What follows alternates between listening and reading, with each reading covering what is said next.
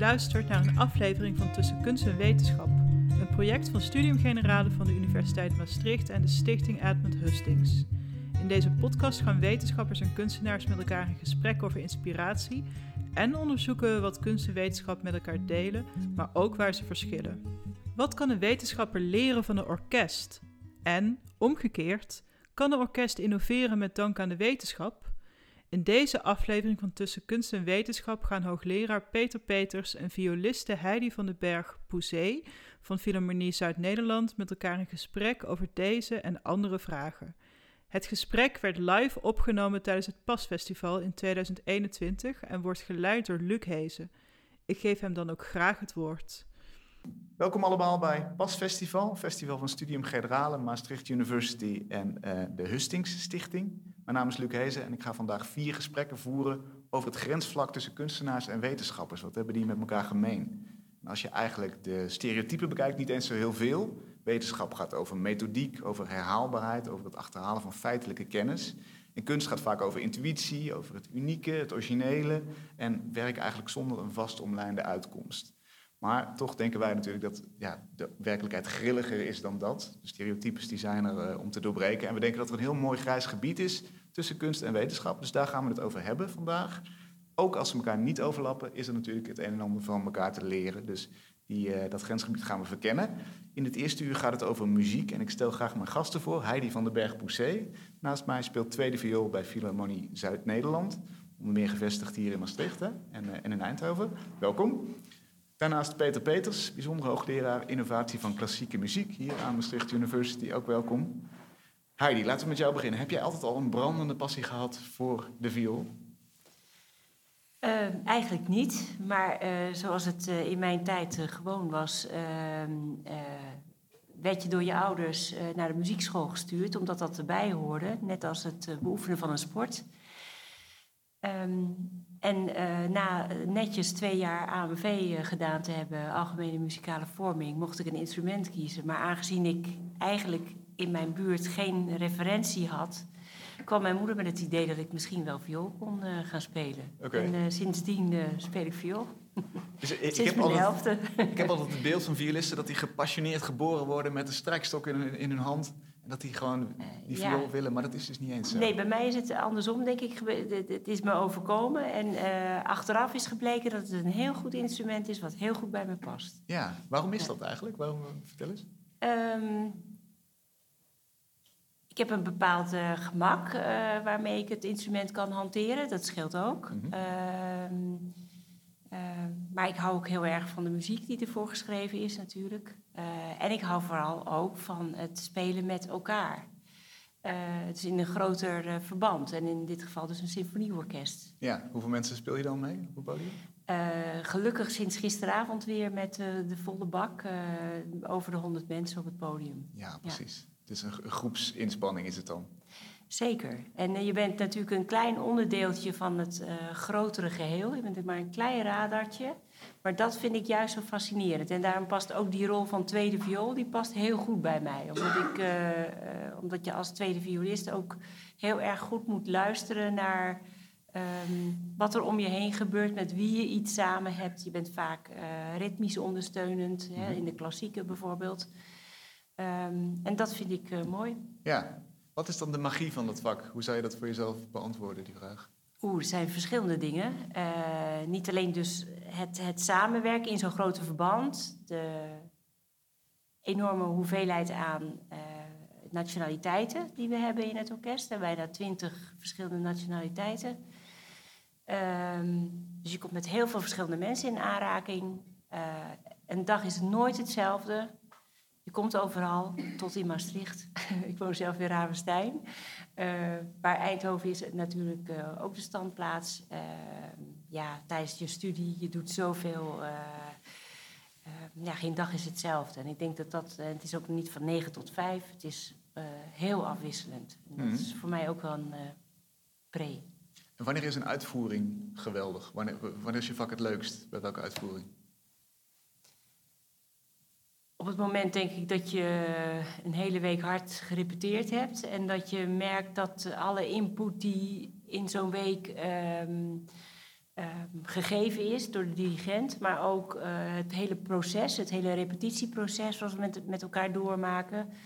Dat je merkt op het concert dat het er dan uitkomt en eh, dat het een geslaagde uitvoering En hoe merk je dat?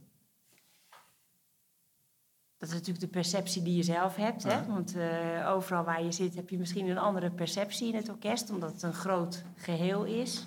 Ik zit vaak, uh, in het geval van gisteravond, zit ik echt vlak voor de fluiten, echt eigenlijk in het centrum van, uh, van het orkest. Um, dus ja, ik denk dat dat voor iedereen heel erg verschillend is. Voor jou? Uh, ja, hoe is dat voor mij? Wat gebeurt er in je lichaam? Het is bijna een sportvraag. Wat gaat er door je heen? Maar wat, als, als het goed gaat, voel je dan, yes, er gebeurt iets? Ja, je, ja je, je, voelt de muziek. Je merkt dat je in, uh, in de flow van de dirigent mee uh, kunt. Hè? Zeker in Rachmaninoff. We hebben de derde symfonie van Rachmaninoff gisteren gedaan. Um, dat zijn hele lange melodische lijnen waar eigenlijk geen eind aan komt. En uh, daar moet je heel erg. We hebben dat met onze chefdirigent gedaan, Dimitri Lies, een, een Rus. Die ons heel goed heeft, uh, denk ik, deze week heeft laten voelen hoe je die lange lijnen uh, ja, moet uitvoeren en, en hoe dat dan het beste tot zijn recht komt. En, uh, dat gaat over energieverdeling of zo? Dat klinkt ja, bijna ja, nou ja, ook dat, dat je niet inzakt op een bepaald moment Ja. bijvoorbeeld. Of dat je geen, geen rare comma's gaat maken. Maar dat je mooie lange lijnen, dus ook een bepaalde manier van strijken. ehm, waardoor je die lijnen mee kunt nemen. En, en voel je dan wat andere mensen om je heen doen? Is het een soort van levend organisme? Zo, Nou, je zit met de buurman, buurvrouw naast je, in mijn geval. Ja. En eh, wij spelen samen. Eh, dat, dat is natuurlijk ook heel fijn als je iemand naast je hebt zitten die eh, samen met jou die partij probeert eh, te spelen. Eh, dat is niet altijd het geval. Je hebt wel eens een collega waar dat wat minder mee gaat. En dan zul je toch, dat is natuurlijk ook wel weer mooi, dan moet je toch ergens een balans zien te vinden. En dan toch samen door die, door die deur. Ja. En, en wanneer lukt dat het, als dat allemaal goed gaat? Wat, wat, wat ontstaat er dan? Is, is dat een soort flow of zoiets? Hoe, hoe zou je het omschrijven? Ehm, ja, dan kun je heel erg met de muziek bezig zijn, zonder dat je gestoord werd, wordt door andere eh, dingen die je afleiden. Dus, eh, Het, eh, het gevoel wat je hebt bij een bepaalde melodie of een, een begeleiding, of dat ritmisch iets goed staat. ja, Mooi. Ja, ik probeer, ik probeer het in te leven. Ik, ik ben zo amuzikaal als een, als een bos tulpen, zoiets. Ik weet niet of dat een uitspraak is, maar in ieder geval, eh, ik probeer me in te leven in je positie. ja. Eh, Peter, welkom ook. Bijzonder hoogleraar innovatie van klassieke muziek aan Maastricht University. Innovatie is niet meteen het eerste waar je aan denkt bij klassieke muziek. Dat lijkt bijna een tegenstelling, innovatie en klassiek. Vertel eens, hoe, hoe, wat ontspant jouw onderzoek? Nou, ik vind het wel mooi dat je dat zegt eigenlijk. Hè? Dus dat het bijna een soort tegenstelling lijkt in te houden. En de vraag is natuurlijk van hoe komt dat? Eh, en ik denk dat dat te maken heeft met eh, ja, de traditie van klassieke muziek. Is in zekere zin heel sterk. Hè? Eh, als je kijkt naar wat het vraagt om een instrument te bespelen op het niveau dat Heidi dat doet. En al die andere muzici in het orkest, dan ben je daar echt jarenlang mee bezig. En de manier waarop je dat leert gebeurt ook, laat ik zeggen, op een redelijk traditionele manier. Op een conservatorium leer je het spelen van een hoofdvakdocent. Corrigeer me als ik. eh, en die eh, heeft het ook weer hè, eh, op een bepaalde manier geleerd. Dus die, die overlevering van die traditie, die, die verandert niet zoveel. En ook als je kijkt naar de uitvoeringspraktijk, zeker van symfonieorkesten, hè, dan, dan zou je kunnen zeggen dat stel iemand als Mahler, die komt na 100 jaar in het concertgebouw om naar zijn eigen muziek te luisteren, dan zou die natuurlijk allerlei dingen zouden hem opvallen, maar Ja. die zou zich niet heel grondig verbazen. Eh, het zou overigens een heel interessant experiment zijn, maar dat gaat niet lukken. Ja, Hè, maar ja, die uitvoeringspraktijk die, ehm, die, die, die is redelijk constant. Misschien van alle kunstvormen, maar opnieuw, dit is iets om ook te bespreken met Heidi. ehm, ja, is het, is het misschien wel de meest traditionele. Waarom? Ja. Ehm, waarom is dat nou toch nodig? waarom is dat nodig? Nou ja, waarom is dat nodig? Ik denk, hier, hier moet Heidi me inderdaad helpen. Maar op het moment dat je denk ik, in zo'n, in zo'n groep van honderd muzici zit, hè, die allemaal bijna als één organisme uh, willen muziek maken, uh, ja, dan vraagt dat een enorme discipline. En uh, ja, dat. Um, je kunt daar niet zo wat in gaan zitten, zitten improviseren. Dat is denk ik één reden. Ik denk, nu, nu ik er zo over nadenk, een andere hele belangrijke heeft te maken met de muziek die gespeeld wordt. dat zijn werken, dat zijn muziekwerken, dat zijn composities. dus een stuk van, van Rachmaninoff, wat gisteren gespeeld is, dat is tot in de details uitgenoteerd door de componist. En, uh, ja, de opdracht van het orkest en de muzici is, althans in de traditionele opvatting, om die muziek zo goed mogelijk, hè, volgens de intenties van de componist, ook tot klinken te brengen. En natuurlijk is elke concert opnieuw een poging om dat nog weer mooier, beter enzovoort te doen dan de vorige keer. Vind ik zelf ook een van de mooiste dingen van klassieke muziek. Maar, maar wel ehm, binnen die traditie. En maar wel binnen die traditie, ja. Maar wat behelst jouw eigen onderzoek? Want jij doet onderzoek naar andere opvoeringspraktijken, hè?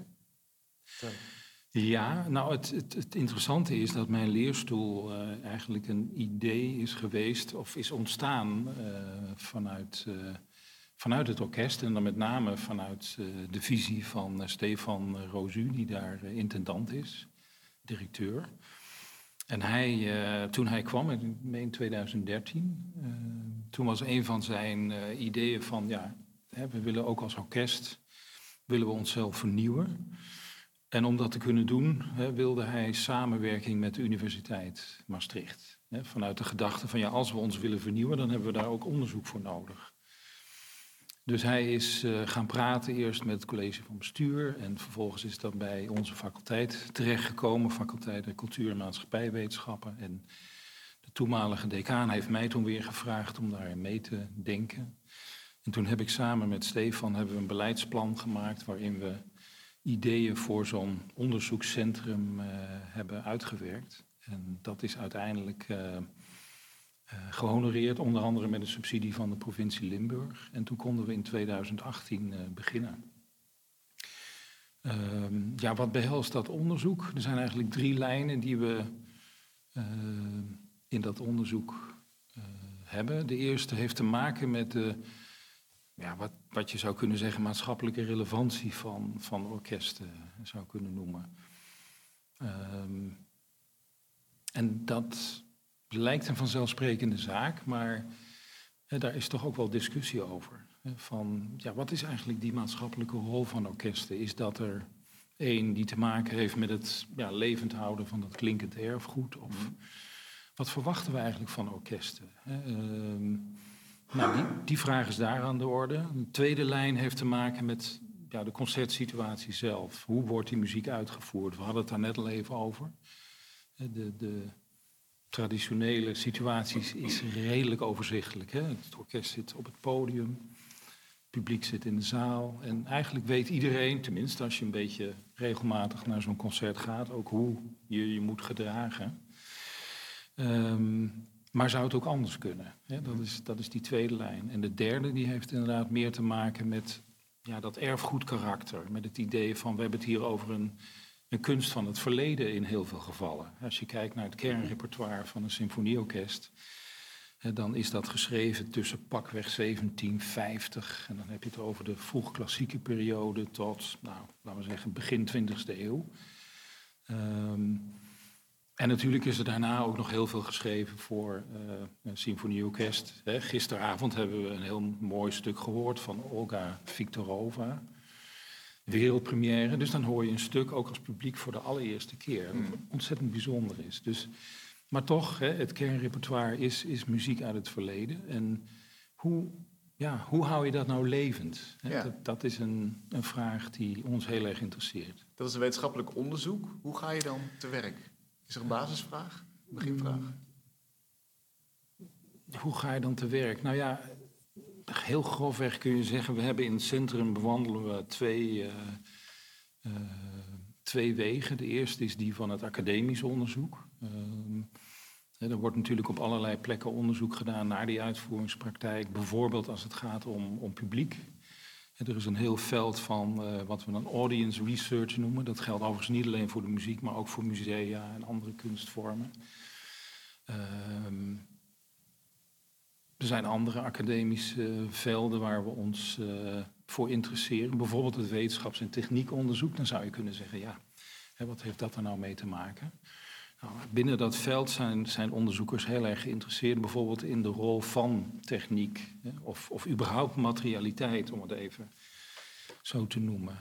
Um, en ja, als je kijkt naar die uitvoeringspraktijk van, van symfonieorkesten, is die techniek uh, daar ja, belangrijk in. Enerzijds als, als, hè, in, die, in die instrumenten die, die, die muzici bespelen. Maar we hebben in de tijd van corona kunnen zien dat dat streamen bijvoorbeeld uh, natuurlijk heel veel gedaan heeft. Nou, dat is het academisch onderzoek. Maar daarnaast uh, doen we ook wat we dan artistiek onderzoek noemen. En dat is eigenlijk een veld wat, uh, wat relatief jong is. Ontstaan zo rond 2000, iets eerder. Vanuit de gedachte, ja, kunstenaars zijn eigenlijk ook onderzoekers. Hè, die om hun, om hun werk te kunnen doen, uh, ja, doen zij ook onderzoek. Dat is dan een ander soort onderzoek dan het academisch onderzoek, maar uh, ze doen wel degelijk onderzoek.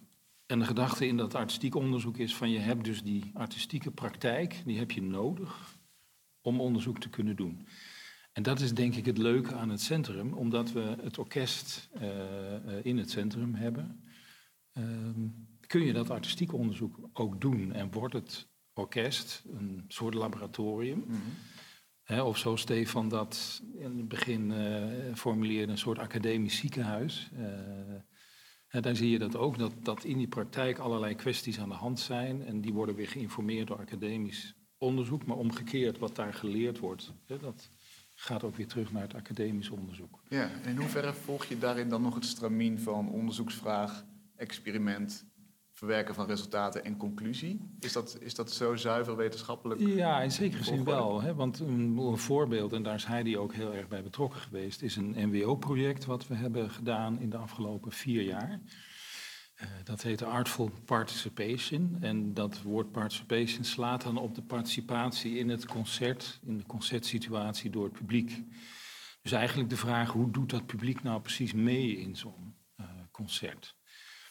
En ja, de vraag daarachter is natuurlijk ook van als je kijkt naar het publiek van het symfonieorkest op dit moment, dan, correct me if I'm wrong Heidi, dan is dat redelijk op leeftijd. Hè? En dan kun je zeggen, ja, is dat een probleem? Uh, nee. Maar als je die kunstvorm levend wil houden, is het ook wel fijn als er, als er jongere mensen uh, aansluiten. Mm. Um, he, dus orkesten zijn heel erg bezig met die vraag van hoe kunnen we andere publieksgroepen uh, interesseren voor wat wij te bieden hebben. Nou, een van de dingen waar je dan tegenaan loopt is dat concertritueel. De, de, misschien voor sommige groepen ook wel de ondoordringbaarheid ervan. En, en, dan is de vraag weer van, nou, als je dat op andere manieren zou doen, um, levert dat dan inderdaad uh, een, een, ander publiek op? Maak je op een andere manier verbinding met je publiek? Uh, en nou, dat is een praktisch experiment wat dat, jullie dan uitvoeren? Nou, dat, dat is dus een voorbeeld van, van een cluster van, van vragen rond dat publiek. Ja. Nou, dan kun je dus zeggen van we gaan academisch onderzoek doen en we gaan uh, naar dat, dat audience research. Maar je kunt ook zeggen, en dat hebben wij gedaan, van laten we experimenten opzetten uh, samen met het orkest en, en ja, kijken we wat we daarvan kunnen leren. Uh, en dat hele idee van leren is denk ik in het project ook heel centraal geweest. Heb je een voorbeeld van zo'n zo'n afwijkende opvoeringspraktijk? Nou ja, wat ik zelf. Um, ja, we, hebben, we zijn eerlijk gezegd wel erg door corona gehinderd. Uh, we hadden in het project vier experimentele concerten ontworpen. Hè, dus, dus degene in het project die dat uh, gedaan heeft, dat was Imogen Eve. En, uh, zelf muzikus, violiste, maar ook concertontwerper zou je kunnen zeggen. En die had vier van die experimentele concerten ontworpen. En door corona hebben we er uiteindelijk twee kunnen, kunnen doen. Ja, het eerste, eh, in het eerste was haar droom van hoe kunnen we nou een, een symfonie van Mahler in een kleine setting uitvoeren in een café. Dan kun je zeggen, ja, dat is heel raar, want dat zijn bij uitstek hele grote symfonische werken. Dus hoe kun je dan toch die, die muziek van Mahler uh, nou ja, voor een publiek in een café, wat dat misschien helemaal niet verwacht, eh, Mm. uitvoeren. Dat hebben we gedaan. Daar was Heidi ook bij. En een ander voorbeeld is een, eh, is een project waarbij we hebben gezegd van normaal gesproken als het publiek naar een concert gaat, dan, ja, dan zien ze in het programma wat er gespeeld wordt. Maar dat is voor hen eh, eh, eh, uitgekozen. Hè, dat gebeurt door de, door de programmeur en door de artistieke commissie en wie daar allemaal verder bij betrokken is. En in dit, dit experiment hebben we gezegd van, goh, wat zou het eigenlijk leuk zijn als we ehm, ja, in dit geval de vrienden van het orkest zouden uitnodigen om, ja, om te komen met, met voorbeelden van muziek die hun heel erg aanspreekt. Die echt in hun leven een belangrijke rol heeft gespeeld, waar ze herinneringen aan hebben. En toen hebben we een aantal van die gesprekken gehad, focusgroepen met die vrienden. En daar is een programma uit ontstaan. eh, wat eigenlijk niet zozeer die werken zelf als uitgangspunt had, wat normaal zo is, maar de verhalen rondom die werken. En die verhalen werden ook tijdens het concert, was in NC hier in eh, Maastricht, werden ook door die vrienden verteld. En er was Han, eh, de, de, een van de slagwerkers, die eh, was daar de interviewer, dus ook iemand van het orkest. En ik vond het een hele mooie avond. En ehm, ja, dat kwam onder andere omdat de betekenis van die muziek een soort laag erbij krijgt. Ja. Hè? Die ligt niet meer alleen van het klinkend maken van dat werk, maar ook in te laten zien van ja, wat hebben die werken gedaan in het leven van mensen. Een hedendaagse betekenis, inderdaad. Ja, maar ook, ook herinneringen. Hè? Ik bedoel, mensen die, eh, ja, die vertelden over een stuk van Schumann, eh, wat hun vader altijd speelde als ze klein waren. En, eh, nou ja, een soort ge- gevoel van geborgenheid geeft. eh. Hoe, hoe maak je hier conclusies op? Als we even dat rijtje afmaken van de, de, wetenschappelijke methode. Ja. Dat is dan de laatste stap natuurlijk. Ja. Ehm, ja, conclusies kun je natuurlijk voor een deel trekken op papier. Hè. Dus, dus wat wij doen is, is, is ook gewoon publiceren over ons onderzoek. Ehm, maar wat ik zelf heel leuk vind, en dan moeten we zeker ook weer terug naar Heidi, maar is dat je die conclusies trekt in de vorm van, ja, wat hebben we geleerd? Hè, en wat kunnen we in het geval van het orkest daar in onze dagelijkse praktijk mee veranderen of aanpassen? Of, hè, eh, Heb je een en- voorbeeld? Een voorbeeld. Ehm, nou ja, Ik denk de twee vo- voorbeelden die je net gegeven hebt eigenlijk. Zo'n Malaram Tisch bijvoorbeeld, dat was heel arbeidsintensief. Want je ging met een eh, klein strijkquintet. ehm, hebben we het Adagietto eh gespeeld in het café, diverse cafés. Ehm, daarnaast hebben we muziek uitgezocht die gerelateerd was aan Mahler. Want het bleek toch niet helemaal mogelijk te zijn om de hele eerste Mahler bijvoorbeeld met een quintet te spelen. Dus we hebben daar wat, eh, ja, daar zijn we al in gaan improviseren eigenlijk, als het ware. En achteraf eh, kom je dat tot, natuurlijk, je bent heel dicht bij je publiek en je, eh, het is onverwacht, want je komt als eh quintet, kom je binnen wandelen, je pakt uit en je begint te spelen en je hebt van, van kleine kinderen tot, nou ja, in Maastricht zit iedereen in het café, zeg maar. Dus dat is een hele brede range. Ehm, en, en mensen hebben dat enorm gewaardeerd. Die vonden dat, eh, het is natuurlijk ook niet te lang, je doet dat een half uurtje. En eh, ehm, daarna raak je met elkaar in gesprek. Dus je hebt, eh, op dat moment heb je meteen contact met je publiek. Alleen het hele proces van tevoren is al zo arbeidsintensief dat je denkt, ja, in, in onze normale programmering en concertpraktijk is dat gewoon heel moeilijk in te passen. Maar je zou misschien wel bij bepaalde projecten kunnen denken, nou, we kunnen hier een, een kleine teaser uithalen. En met die teaser inderdaad op bepaalde plekken eh, gaan staan en iets laten horen. En hopen dat mensen dan die drempel overgaan om, om naar de concertzaal te gaan om het hele programma te horen. Ja, precies. Dus, eh, maar zoals de People Salon bijvoorbeeld, hè, dus het, de, de vrienden die we uitgenodigd hadden met hun verhalen en hun stukken, dat is een concept wat je volgens mij ook kunt toepassen op eh, twintigers, dertigers of zelfs kinderen die met eh, hun verhalen komen. Dus dat is dan iets wat veel makkelijker te programmeren is en waarschijnlijk door ons te gebruiken. Dus dat, dat is dan de eh, praktische eh, invulling. Ja, en dat zijn dingen die je mee kunt nemen in het verbeteren van jullie eigen Precies. Werkzaamheden en aanwezigheid. Ja, want het is natuurlijk zeker niet zo eh, als we het hebben over ons publiek. En we beperken ons tot het publiek wat alleen in de concertzaal komt. Ja, dan is de gemiddelde leeftijd misschien heel hoog. Maar dan vergeet je dat we op educatiegebied jaarlijks zo'n 70.000 basisschoolleerlingen en, en voortgezet onderwijsleerlingen bereiken. Dus dat, is, dat zie ik ook eerlijk gezegd als ons uh, publiek. En mhm. met uh, uh, hele doorlopende leerlijnen die met allerlei verschillende programma's voor kleuters, maar van groep 5 tot 8, voortgezet onderwijs. En met, in samenwerking ook vaak met of dans of toneel. Ehm, en ook collega's die, die daar heel goed in zijn, die dat fantastisch kunnen. We hebben het eigenlijk over, over verschillen en overeenkomsten tussen kunst en wetenschap. Peter zei net, jullie doen ook onderzoek als muzici zijnde. Wat voor onderzoek is dat? Um, met name uh, natuurlijk uh, te kijken hoe we ons uh, publiek kunnen verbreden. Hoe we ons draagvlak hier in het zuiden kunnen behouden mhm. en, en uitbreiden. Um, we moeten er natuurlijk, we zijn afhankelijk natuurlijk, we zijn houder van erfgoed. Maar daarnaast moeten we wel blijven, steeds blijven nadenken over onze rol in die samenleving. En uh, de politiek is daar een hele belangrijke speler natuurlijk ook in. En aan de andere kant vind ik dat wij als orkest zelf ook uh, de verantwoordelijkheid hebben om onze relevantie aan te tonen. En, en daarin moeten we steeds wegen zoeken van hoe bereiken we de groepen die we willen bereiken. Uh, en dan is het ook heel, dan is dat onderzoek dan weer, hè, de, de, de, samenwerking met de wetenschappers weer heel goed. Om um, samen de vragen te stellen mhm. van uh, wie willen we bereiken, uh, hoe doen we dat en um, is uiteindelijk dan ook ons doel bereikt en, en werkt wat we hebben bedacht. Ja. dus steeds ook die vragen blijven stellen.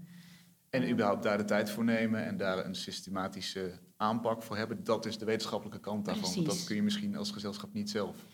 Nou, in, in, in die zin hebben we natuurlijk al heel veel stappen gemaakt. Want uh, ik denk, ja, uh, ik ben in het orkest gekomen toen het nog Brabants Orkest was. En we 150 concerten per jaar speelden. En eigenlijk uh, van programmering naar programmering gingen. En eigenlijk alleen maar aan het zenden waren. Dus we verwachten gewoon dat het publiek in onze zaal zou zitten. En ehm, wij speelden en dat was het. Ja daar is een enorm, nou, daar is educatie natuurlijk heel erg bijgekomen, maar ook uh, bijvoorbeeld uh, een bucketlist campagne die we gedaan hebben. Dat was gericht op twintigers, dertigers. Gericht op onze bestaande programmering, maar een aantal stukken. Bucketlist? Ja, nou, je ja, wat je gehoord voordat de, de doodgaat? Dat nee, ja, de stukken die je beslist moet hebben gehoord Juist, ja. voordat je tegen de 40, 50 bent of zoiets. Oh, ja. Um, nou, dat, dat was het idee erachter. Uh, en dat kon ook uh, heel erg goed met onze bestaande programmering. He, dus we hebben gewoon een aantal stukken uit die programmering gehaald en gezegd: oké, okay, dat is misschien echt wat die 20 30 kan aanspreken. En uh, daar is dus, dat is dan echt een marketing ding. Ja. Um, dus op die manier. Um, maar ook iClassics bijvoorbeeld. dat was ook een, dat zijn ook series die we gedaan hebben op andere locaties. Dus niet zozeer in de concertzaal uh, in Eindhoven of in Maastricht of, of Den Bosch. Of, maar de muziekgieterij of uh, Spoorzone uh, Tilburg, nou Ensie. Er zijn ook wel... Er zijn meer van die hele klokgebouw Eindhoven. Dat zijn hele fijne locaties waar je alternatieve programmeringen kunt laten plaatsvinden. Onder andere bijvoorbeeld dat we daar Beethoven 4 gespeeld hebben, maar in, in het klokgebouw uh, met allerlei uh, verschillende settingen waar het publiek um, liggend of tussen het orkest of uh, er waren allerlei installaties waren er gemaakt om, om mensen te laten ervaren hoe Beethoven klinkt als je in een bepaalde positie bijvoorbeeld je mm. bevindt. Mm. Uh, en voor ons is dat dan ook wel weer heel bijzonder dat je heel dicht op je publiek uh, je zit te spelen en voor je ligt iemand uh, naar Beethoven te luisteren. Dat is dan ook wel weer heel grappig. Ja, het klinkt eigenlijk als ik jullie zo goed beluister dat het een heel erg verweven onderzoek is geweest eigenlijk. Eh, dus, dus de doelen zijn bijna hetzelfde eigenlijk. Het, laten floreren van dat orkest en, en zorgen dat het maatschappelijk relevant blijft. Ehm, wat, wat, is, wat is eigenlijk jullie ideale resultaat als wetenschapper en als muzikant? Wanneer, wanneer is jullie werk gewoon geslaagd? Wanneer ben je aan het eind van de dag geslaagd, Peter? Oké, ja. Ehm, nou, ik, ik ben uh, verleid om nog even terug te gaan naar Oh. dat, eh, het concert wat, eh Ja, hij net noemde. Ja. Ja, omdat ik dat inderdaad een heel mooi voorbeeld vind van een, van een heel experimenteel concert. Hè, waarbij bij wijze van spreken, als je het heel oneerbiedig ziet, de publieks, het, het publiek bijna werd behandeld als een soort laboratoriumratjes.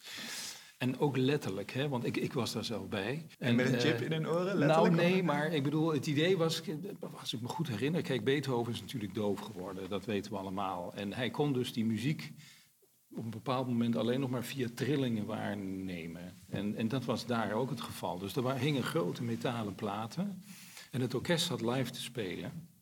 En je kreeg als publiek een koptelefoon op. En daar hoorde je dus het geluid van het orkest en dat was door de computer bewerkt. En je werd gevraagd om met je ogen dicht, met je voorhoofd tegen die metalen plaat te gaan staan en dan naar die muziek te luisteren. En bij een andere situatie, ja, dat was een, soort ja, bed en dan moest je eerst daar tegenaan gaan staan. En dan ook weer koptelefoon op en ogen dicht. En dan werd dat bed heel langzaam werd dat gekanteld, zeg maar, totdat je eh, ja, lag. En dan voelde je ook weer die muziek in je ruggengraat. En, en eh, nou ja, de andere situatie was wat jij zei, dat je gewoon tussen de muzici kon gaan liggen. Als je dat, dat lukte mij overigens niet, moet ik zeggen. Daar zat toch te veel eh, tussen. Maar ehm, ja, dat, dat, dat is natuurlijk een hele radicale manier. En dat was overigens een samenwerking tussen het orkest en de theatergroep Crew, die daar, die daar met dat immersieve theater heel erg bezig zijn. En dat gaat ook echt over van, ja, hoe kun je het publiek in situaties brengen waarbij ze helemaal ondergedompeld, als het ware, worden in die ervaring van het concert.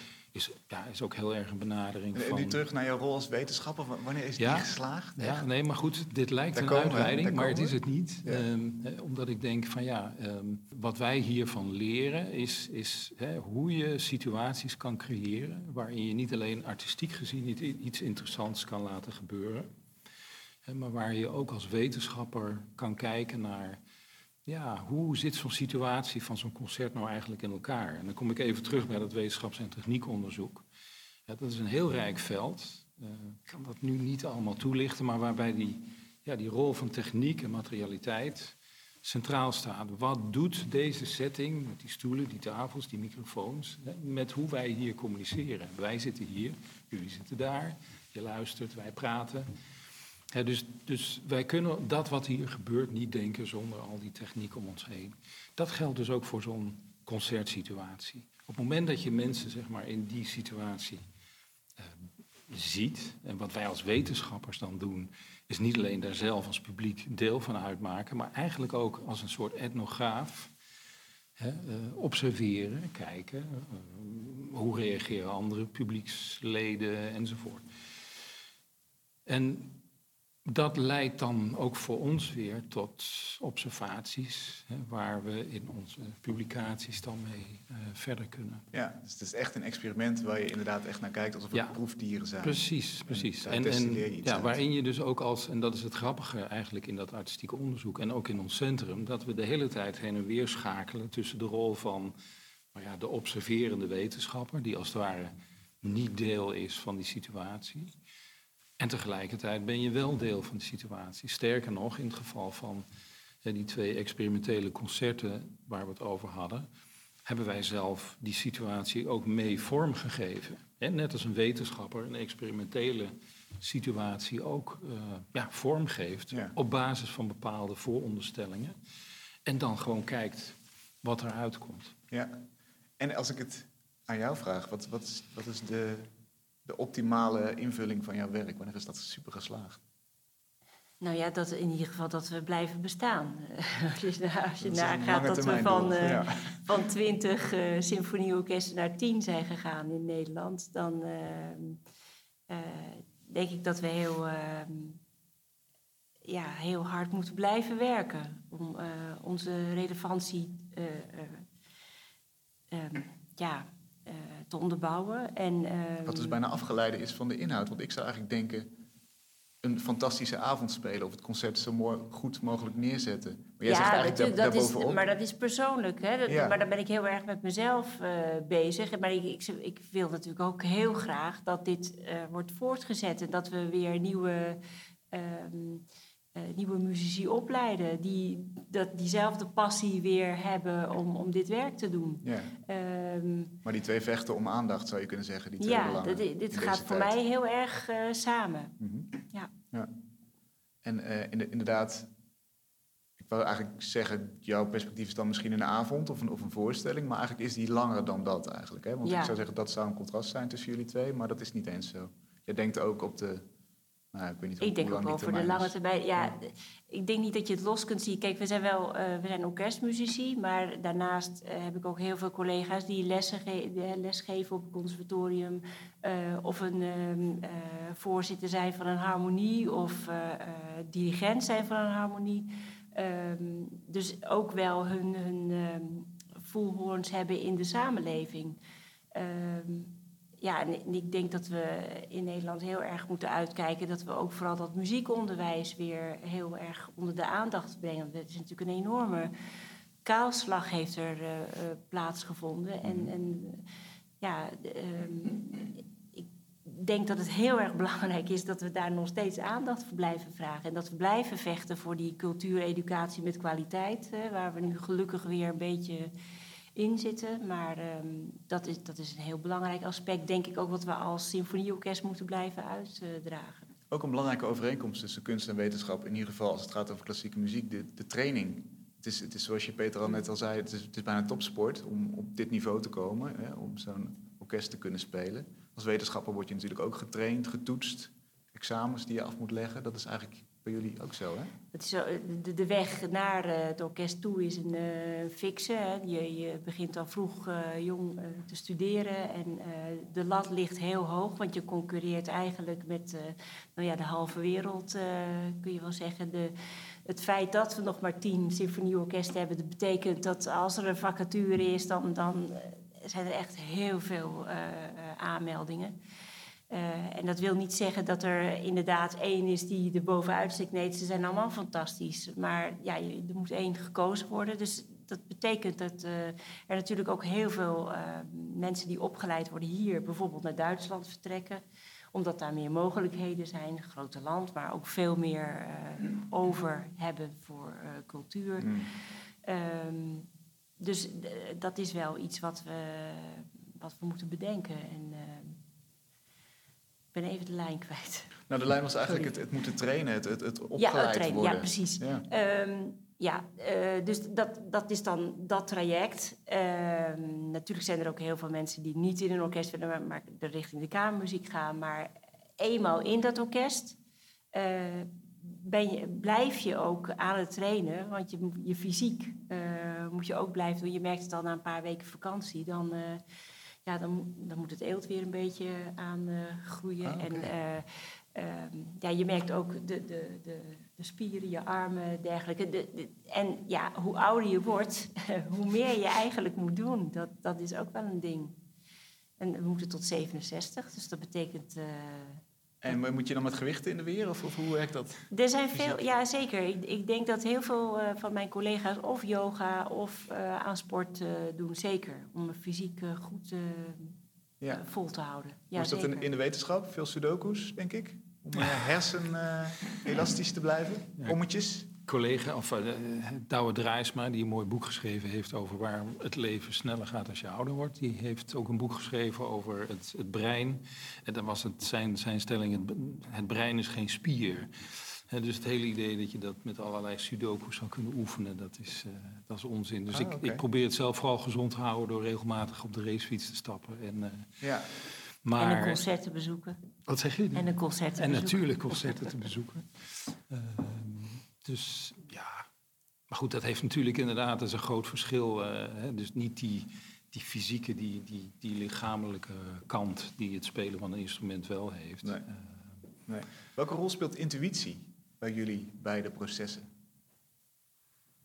Is dat, speelt het in wetenschap bijvoorbeeld een rol? Ja, dat is nou Een interessante vraag. En dan vat ik intuïtie even zo op dat er in één keer een idee in je hoofd zit. Is Mhm. dat zoals jij het bedoelt? Ja, zeker. En iets wat, wat geen resultaat is van een, van een eh, bewust proces, Ja. een bewust ingesteld proces. Ja. Nou, dat herken ik zeker. Ik bedoel, op het moment dat je met een stuk bezig bent, een artikel bijvoorbeeld, ehm, ja, daar ben je er natuurlijk gewoon weken mee bezig en je hebt je materiaal en, en het, is, nou ja, het staat in de stijgers. Maar er zijn altijd problemen, er zijn altijd dingen dat je denkt, ja, dat is gewoon nog niet, het- ik ben er nog niet helemaal uit. Ja. Ja, en dan in één keer, dan, dan, bij de, eh, ja, eh, dan loop je ergens en dan, eh, en in één keer, hop, dan zit er iets in je hoofd dat je denkt, hé, hey, dat zou het kunnen zijn. En dat gebeurt mij wel, wel heel regelmatig, ja. En dat komt denk ik van, ja, je bent in je hoofd met dingen, maar iedereen herkent dat. Mhm. Hè, en dan in één keer, dan is dat idee er. Dat is dan wel voorbereid, maar waar het vandaan komt. En het kan ook gebeuren als je, als je aan het schrijven bent. Hè? Dus dat je, ja, je bent aan het schrijven en in één keer staat daar een zin waarvan je denkt, ja, Die klopt. die klopt. Maar die klopt in de zin van, die klopt met wat ik in mijn hoofd heb. Maar wat ik in mijn hoofd heb, dat had nog geen, geen woorden. Maar op het moment dat ik die woorden zie staan, Mhm. dan denk ik, ja, dat, dat, zo, zo moet het. Of andersom, hè, dat je denkt, ja, het is het niet. Ja, dan is er dus eigenlijk nieuwe kennis ontstaan op dat moment. Dat is ja, wat er goed, gebeurt. dus in ieder geval zijn nieuwe woorden ontstaan. En dan komt dat hele proces van dat je dan dat stuk met de anderen gaat delen. En dan moeten ze het lezen en dan gaan ze commentaar geven. En dan gaan zij weer schrappen. En dat is denk ik heel belangrijk, ja, als je het over intuïtie hebt. Ja, ook als, als wetenschapper in je, in je schrijven, in je publiceren, in je discussiëren, praten met mensen. Ik zie het echt als teamwork. Dat is echt een, ja, iets wat je met z'n allen doet. Daarin lijkt het ook wel absoluut op wat een orkest doet. Ja. Eh, dus, dus ja, je, het commentaar geven op anderen en Ja. kritiek krijgen. Heidi, hoe is dat voor jou? Intuïtie? Eh, ik geloof dat ik alles wel een beetje op intuïtie eh, doe. In, die- in die zin, kijk, het orkestwerk is, eh, dat weet je van tevoren. Het programma ligt klaar. De, de, de partijen kun je eh, op tijd afhalen en instuderen. Maar alles wat verder op mijn pad komt, ehm, dat, dat, als ik het leuk vind, dan, dan pak ik het aan en dan begin ik er gewoon mee. En dan is het een sprong in het diepe en dan zien we wel hoe het, hoe het afloopt. En op een podium, is, is, is er dan ook nog plek voor intuïtie? Mm, wat mij betreft niet. Daar, daar heb je dan echt de mensen voor, nodig die daar weer in eh, geschoold zijn. Ik, ik ben echt heel erg traditioneel eh, geschoold. En ik ben heel erg jaloers op mensen die inderdaad een instrument kunnen pakken en eh, gewoon wat kunnen doen. En dat het dan fantastisch wordt. Hè. Ik denk aan jazz, ik denk aan improvisatie. Ehm, ja, dat is een hele andere tak van sport. En, ook een andere manier van denken, denk ik. En, Dus bij jou eh, is het instuderen, gaan zitten op zo'n podium, ja, beginnen? nou ja, ik probeer me vooral heel erg eh, te focussen op hoe ik die partijen moet spelen. Dus dat is een deel technisch Ja. eh, en een deel eh, emotie. Eh, ehm, eh, ja, de invulling van zo'n partij. En proberen dat zo goed mogelijk te doen. Dus Ja. eh, er zijn geen... eh, alles is voorgeschreven. Interessant, dus waar ik eigenlijk de stereotypen over kunst begon met niet zoveel is vast omlijnd, is het hier eigenlijk precies andersom, eh, hoor ik het een beetje. Dus jij Ja. zegt nee, het is instuderen, het is doen wat je van plan Ja. was, zo goed mogelijk. En bij Peter is er veel ruimte voor intuïtie en invallen en overleg. Dus, dus daar gaan de stereotypes al eh, helemaal door elkaar. We zijn helemaal weer eh, in dat grijze gebied beland. Ehm, zijn er ook absoluut verschillen als jullie denken over kunst en wetenschap? We hebben nu heel veel overeenkomsten al gehoord. mhm. Maar zijn er ook dingen waarvan je denkt, nou, dit is echt een andere tak van sport? Nou, ik denk waar we de afgelopen drie jaar wel af en toe een beetje tegenaan liepen. eh, met name ook in de communicatie naar onze achterban. Ehm, dat eh, als je met wetenschappers eh, gaat, eh, ehm, aan de slag gaat, dat eh, ehm, er heel veel vragen zijn. En steeds meer vragen. Ja.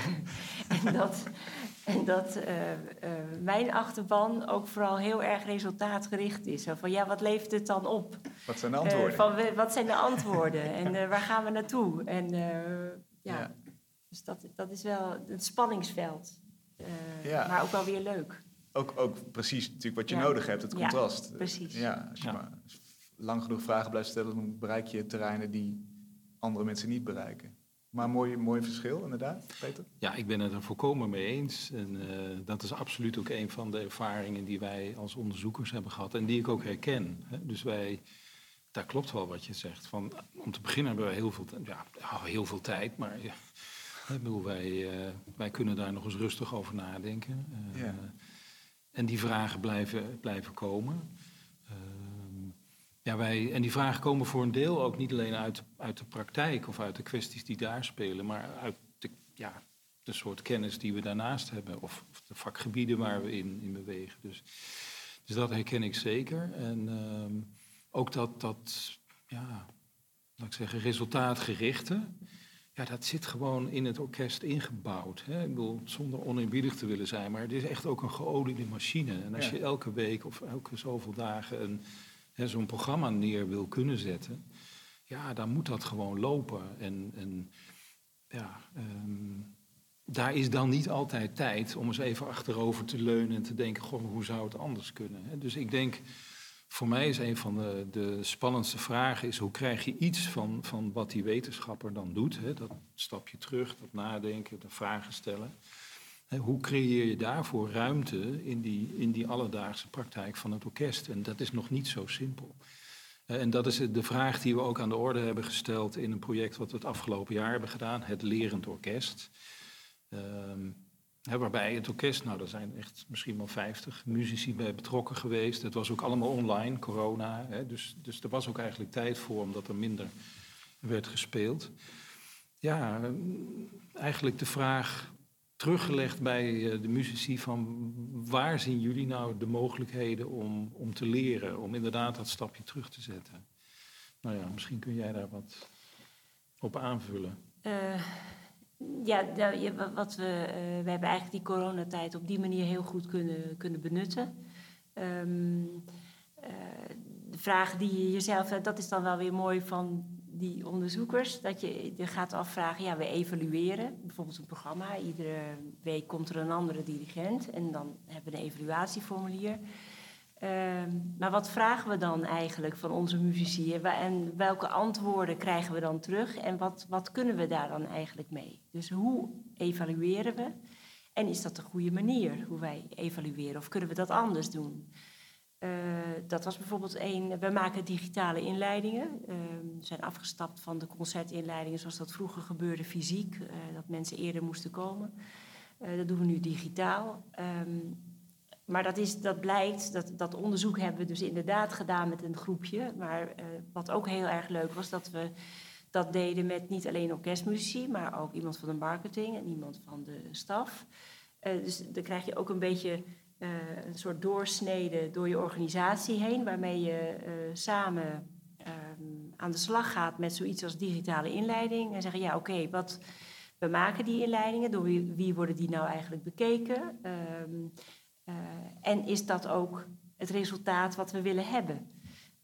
En bereiken we dan door die digitale inleidingen ook meer mensen die naar de concerten komen? Hè, dus allerlei vragen die je dan kunt gaan stellen. Ja. Ehm, nou ja, op Dus die dat is zeker de winst, Ja, de inspiratie zeker. uit de wetenschappelijke aanpak. Zonder meer. En, en andersom ook, Peter, denk jij, ja, we mogen wel eens sneller met antwoorden komen, want het orkest doet het ook met op, eh, die, die knalt er ook het ene concert naar het andere uit, heeft deadlines, werkt resultaatgericht. Is dat ook inspirerend? Nou ja, ja, la- laat maar wel zijn, er is natuurlijk in de wetenschap ook een enorme productiedwang. Ja. Hè? Ik bedoel, eh, er stond vandaag weer een mooi eh, interview met Rianne Letschert in de Volkskrant. Waarin ze dat ook eh, nog weer eens aangeeft. Ehm, ehm, dus, dus het is ook weer niet zo dat wij daar nou rustig eens alle tijd voor kunnen nemen. Dus ook de wetenschap is zeker product eh, eh, georiënteerd. Ehm,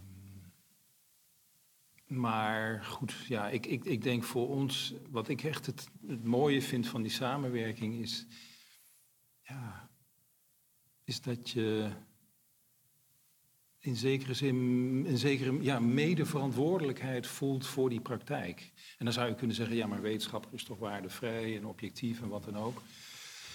Maar ik denk dat je, wat je in het centrum ziet en ook in onze samenwerking, is dat je rond die vraag van hoe moet het nou verder met die klassieke muziek, dat je elk vanuit je eigen eh, achtergrond, dat je daarmee aan het werk gaat. En natuurlijk doet het orkest dat op een andere manier dan wij en met een andere ja, doelstelling. Eh, maar je deelt wel die, uh, die verantwoordelijkheid die je voelt voor die praktijk, om het maar even zo te zeggen. En um, ja, daar, daarin ligt natuurlijk ook wel iets van een resultaat. Hè. Dat, uh... Laatste vraag. Wat, wat is inderdaad het, het, eindresultaat van de, de periode, onderzoeksperiode die je hebt, Peter? Dat zal niet oneindig zijn, neem ik aan. Daar zit een soort doel aan. Nou ja, goed, we zijn nu uh, bezig om uh, weer nieuwe plannen te maken voor de voortzetting van het centrum. Ah, ja. En uh, in ieder geval het orkest heeft aangegeven dat ze daarmee door willen en daar ook weer in, in, in, in willen investeren. Het geld, hetzelfde geldt voor de, voor de universiteit. we hebben het in dit hele verhaal minder gehad over het conservatorium en de Hogeschool Zuid, die ook heel erg aanwezig zijn in het centrum. En dan vanuit de kwestie van de opleiding van, uh, van muzici. Um, ja, voor mij, ik, ik hoop daar nog wel een aantal jaren uh, aan door te kunnen werken. Ja. Aan die vraag van, nou, hoe krijgen we die fantastisch mooie praktijk van de klassieke muziek betekenisvol de 21ste eeuw uh, verder in. Juist, dus dat is het toekomstbeeld, zeg maar. Dat, daar, daar wordt aan gewerkt. Nou ja, daar, daar werk je aan. Dat is niet iets van, nou, op een gegeven moment zijn we daar. Want dat Ja. is daarin, dat ga ik proberen heel kort te houden, maar daarin lijkt het op het uitvoeren van een, van een muziekstuk. Ja, er is ook niet, iets, niet een moment in de tijd waarvan je zegt van, goh, nu hebben we Mahler zo goed uitgevoerd, we zijn klaar. Nee, dat is precies het mooie van die muziek, is, die is nooit af. Hè? En elke keer kun je daar weer nieuwe dingen in ontdekken. En ja, dat, dat, dat drijft denk ik heel veel mensen die muziek maken. Ook als jullie in het eh, publiek muziekinstrumenten bespelen, herken je dat. En dat geldt voor onderzoek eigenlijk ook. Dat is ook nooit af. Ja. Heidi, wat is jouw eh, soort van einddoel? Wat is jouw bucketlist? Om, om die term er nog maar eens in te gooien. Je bucketlist, als het gaat om je orkest. Ehm, ja, ik, ik hoop dat we. ehm, ik hoop dat we inderdaad eh, wat andere publieksgroepen nog weten te bereiken. Eh, buiten de, de grote groepen die we nu al eh, bereiken. Maar ik hoop dat we daar toch nog meer ingangen in, in vinden. En ehm, eh, dat, dat we ook het apparaat wat we zijn, het, eh, ik noem het maar even oneerbiedig apparaat, maar zo'n symfonieorkest is natuurlijk een, een, een middel. Ehm, en eh, er zijn nog steeds componisten die daar prachtige muziek voor eh, componeren. Ehm, en het zou natuurlijk ook fantastisch zijn als we daar ook veel meer ruimte voor zouden kunnen krijgen. Hè? Dat je eh, vaker dat soort eh, nieuwe stukken, hè, zoals we gisteravond eh, bijvoorbeeld gedaan hebben. dat is nog nooit vertoond, denk ik, een, een stuk voor carillon en symfonieorkest. Ik, we hebben ook wel muziek uitgevoerd van Hawar Tafik, bijvoorbeeld een, een, jonge koord uit Tilburg die fantastisch mooie muziek componeert vanuit zijn achtergrond, eh, maar voor het symfonieorkest.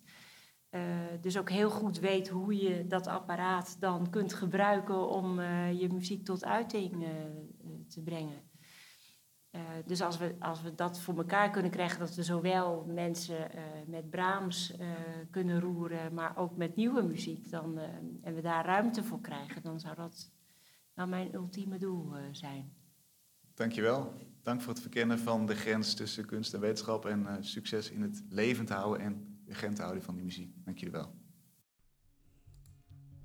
Je hoorde een gesprek dat live werd opgenomen tijdens het PAS-festival, een festival over wetenschap en de kunsten van de Universiteit Maastricht.